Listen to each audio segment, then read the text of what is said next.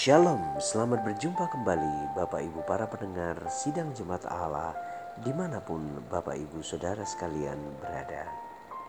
Saya percaya Bapak Ibu Saudara sekalian dalam kondisi yang sehat, diberkati oleh Tuhan, dipelihara dalam segala kebaikan dan kemurahan Tuhan.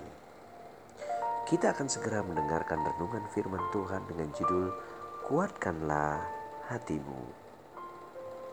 Teks kita terambil dalam Kitab Hagai pasal 2 ayat yang kelima. Di situ dikatakan, tetapi sekarang kuatkanlah hatimu hai Serubabel, demikianlah firman Tuhan. Kuatkanlah hatimu hai Yosua bin Yosadak imam besar, kuatkanlah hatimu hai segala rakyat negeri, demikianlah firman Tuhan. Bekerjalah sebab aku menyertai kamu. Demikianlah firman Tuhan semesta alam. Bapak Ibu para pendengar yang dikasih Tuhan, latar belakang dari teks yang baru saja kita baca adalah pembangunan rumah Tuhan. Dan Bupati Serubabel memimpin pembangunan itu. Ada imam besar Yosadak dan umat Tuhan ada dua kali, ada tiga kali Tuhan berkata dalam teks yang baru saja kita baca, kuatkanlah hatimu. Bapak ibu para pendengar dikasih Tuhan, ketika kita menghadapi pergumulan dan tekanan, maka tempat di mana titik yang membuat kita lemah adalah di hati kita. Ketika kita sudah tidak mampu lagi, kita sudah tidak berdaya lagi, hati kita terguncang, maka itu akan melemahkan usaha kita, melemahkan strategi kita, melemahkan rencana, dan bahkan tujuan kita. Karena itu, Bapak Ibu Saudara sekalian, Tuhan berkata kepada pemimpin yang ada waktu itu, imam yang melayani di rumah Tuhan, dan seluruh rakyat yang ada, kuatkanlah hatimu. Nah pertanyaannya sekarang, apakah yang dimaksud kuatkanlah hatimu? Kuatkanlah hatimu bermakna bahwa umat Tuhan, pemimpin, bahkan imam yang ada pada waktu itu selalu berfokus kepada Tuhan dengan membesarkan hatinya bahwa Tuhan itu menyertai mereka. Nah, ini yang dimaksud kuatkanlah hatimu. Apa itu? Selalu berkata, masih ada Tuhan. Bapak ibu saudara yang dikasih Tuhan ketika masalah berat, tekanan datang, pergumulan menimpa, tenangkan diri Bapak ibu. Dan saat itulah kita ingat kata firman Tuhan yang berbisik di telinga kita.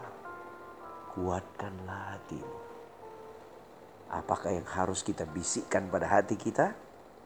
Katakan pada hati kita. Masih ada Tuhan.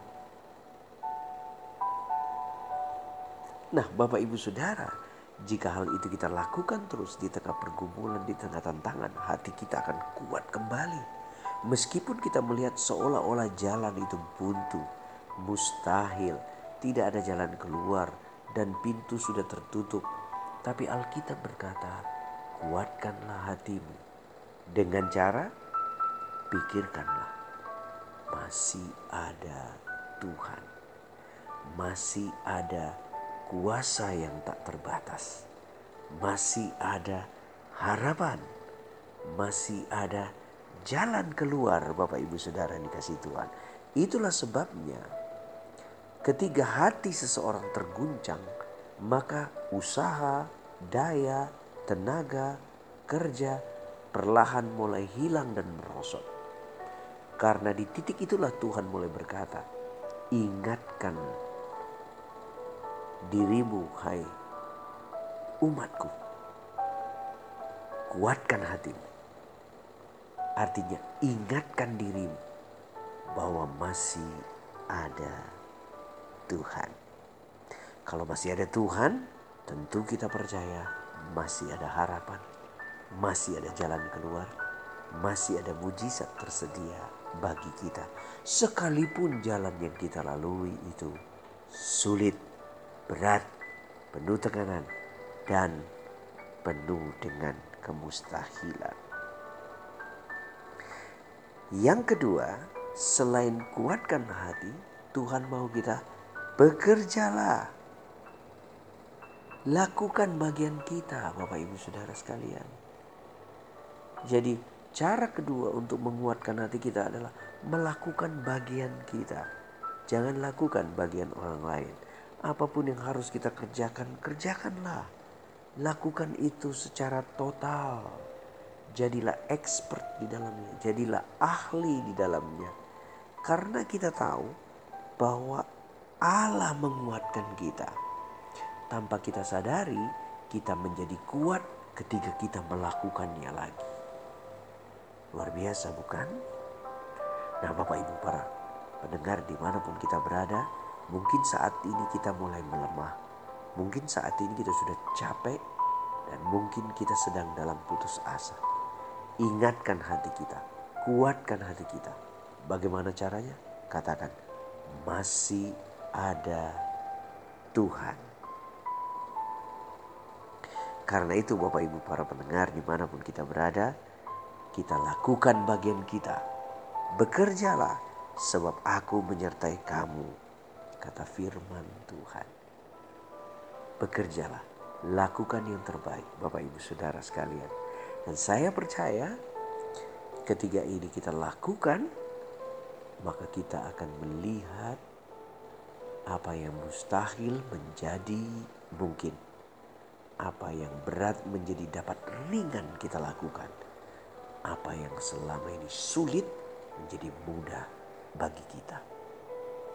Tentunya Bapak Ibu Saudara sekalian ini karena telah terjadi perubahan di dalam hati kita. Saya pernah melihat pekerjaan yang begitu mudah dilakukan tapi karena hati sudah tidak di situ Bapak Ibu Saudara, jadinya begitu berat dan malas bagi kita untuk melakukannya. Nah, tetapi Tuhan mengingatkan kita ketika kita sudah mulai malas, ketika kita berpikir sudah tidak mau ada harapan lagi. Ingatkan hati kita. Kita harus menguatkannya. Caranya katakan pada hati kita masih ada Tuhan. Saya percaya firman Tuhan hari ini menguatkan kita Bapak Ibu Saudara sekalian. Biarlah kita tetap percaya, tetap berharap bahwa masih ada Tuhan yang mengontrol kehidupan kita. Suatu saat ketika ada kesulitan di suatu daerah Bapak Ibu Saudara sekalian. Orang-orang berpikir bahwa kita sudah tidak bisa menyelesaikan masalah ini. Apakah masalahnya? Kekeringan terjadi di daerah itu. Dan sepertinya sudah tidak ada jalan keluar. Seorang penginjil datang masuk ke daerah itu dan berkata bahwa Tuhan dapat melakukan apa saja. Dan ia dapat memindahkan gunung yang menghalangi kehidupan kita. Dia memakai ayat bahwa iman sebesar biji sesawi saja dapat memindahkan gunung. Mendengar berita Injil itu, kepala suku dari tempat itu berkata, "Pak penginjil, kami punya masalah. Masalah kekeringan. Nah, kami rindu air yang ada di seberang gunung itu bisa mengalir ke tempat kami. Dapatkah Tuhan yang Bapak sembah melakukannya? Bapak penginjil ini keringat dingin Bapak Ibu Saudara. Rupa-rupanya dia salah memakai ayat di tempat yang salah dan pada kerumunan orang yang keliru. Dan kepala suku itu berkata, kami kasih waktu satu malam ini. kalau Bapak tidak bisa melakukannya dan Tuhan yang Bapak katakan itu bisa melakukannya ternyata tidak bisa melakukannya, Bapak berbohong. Karena itu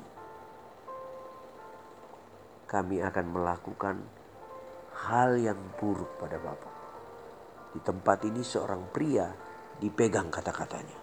Wah, penginjil itu tambah tidak tenang. Dan akhirnya dikasihlah kemah di daerah suku itu. Dan dia berdoa kepada Bapa di sorga memohon anugerah Tuhan. Tentu gunung yang dimaksudkan di sini bukanlah gunung seperti yang dimaksudkan oleh mereka. Tetapi penginjil ini terus berdoa. Menjelang malam, malam Bapak Ibu hujan deras terus turun. Dan akhirnya membuat longsor yang begitu padar, uh, begitu besar di ufuk daripada pegunungan yang diminta oleh kepala suku itu. Sehingga air mulai mengalir dan mengisi sungai-sungai di daerah lembah di tempat di mana kepala suku itu tinggal. Dan setelah itu Bapak Ibu Saudara sekalian, mereka menemukan jawaban dan percaya kepada Kristus.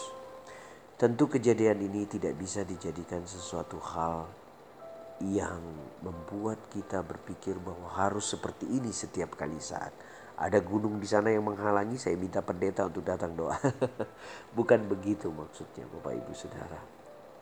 Tetapi paling tidak di sini kita belajar bahwa sang penginjil itu telah menguatkan hatinya, percaya bahwa Allah ada, bahwa Allah sanggup meskipun sepertinya jalan seolah-olah mustahil. Tuhan Yesus memberkati kita hari ini Bapak Ibu Saudara sekalian. Diberkatilah suami, istri, anak, cucu dan mantu kita. Apa pun usaha dan pekerjaan kita, Tuhan Yesus membuatnya berhasil. Terimalah berkat sehat kuat dan panjang umur dan shalom.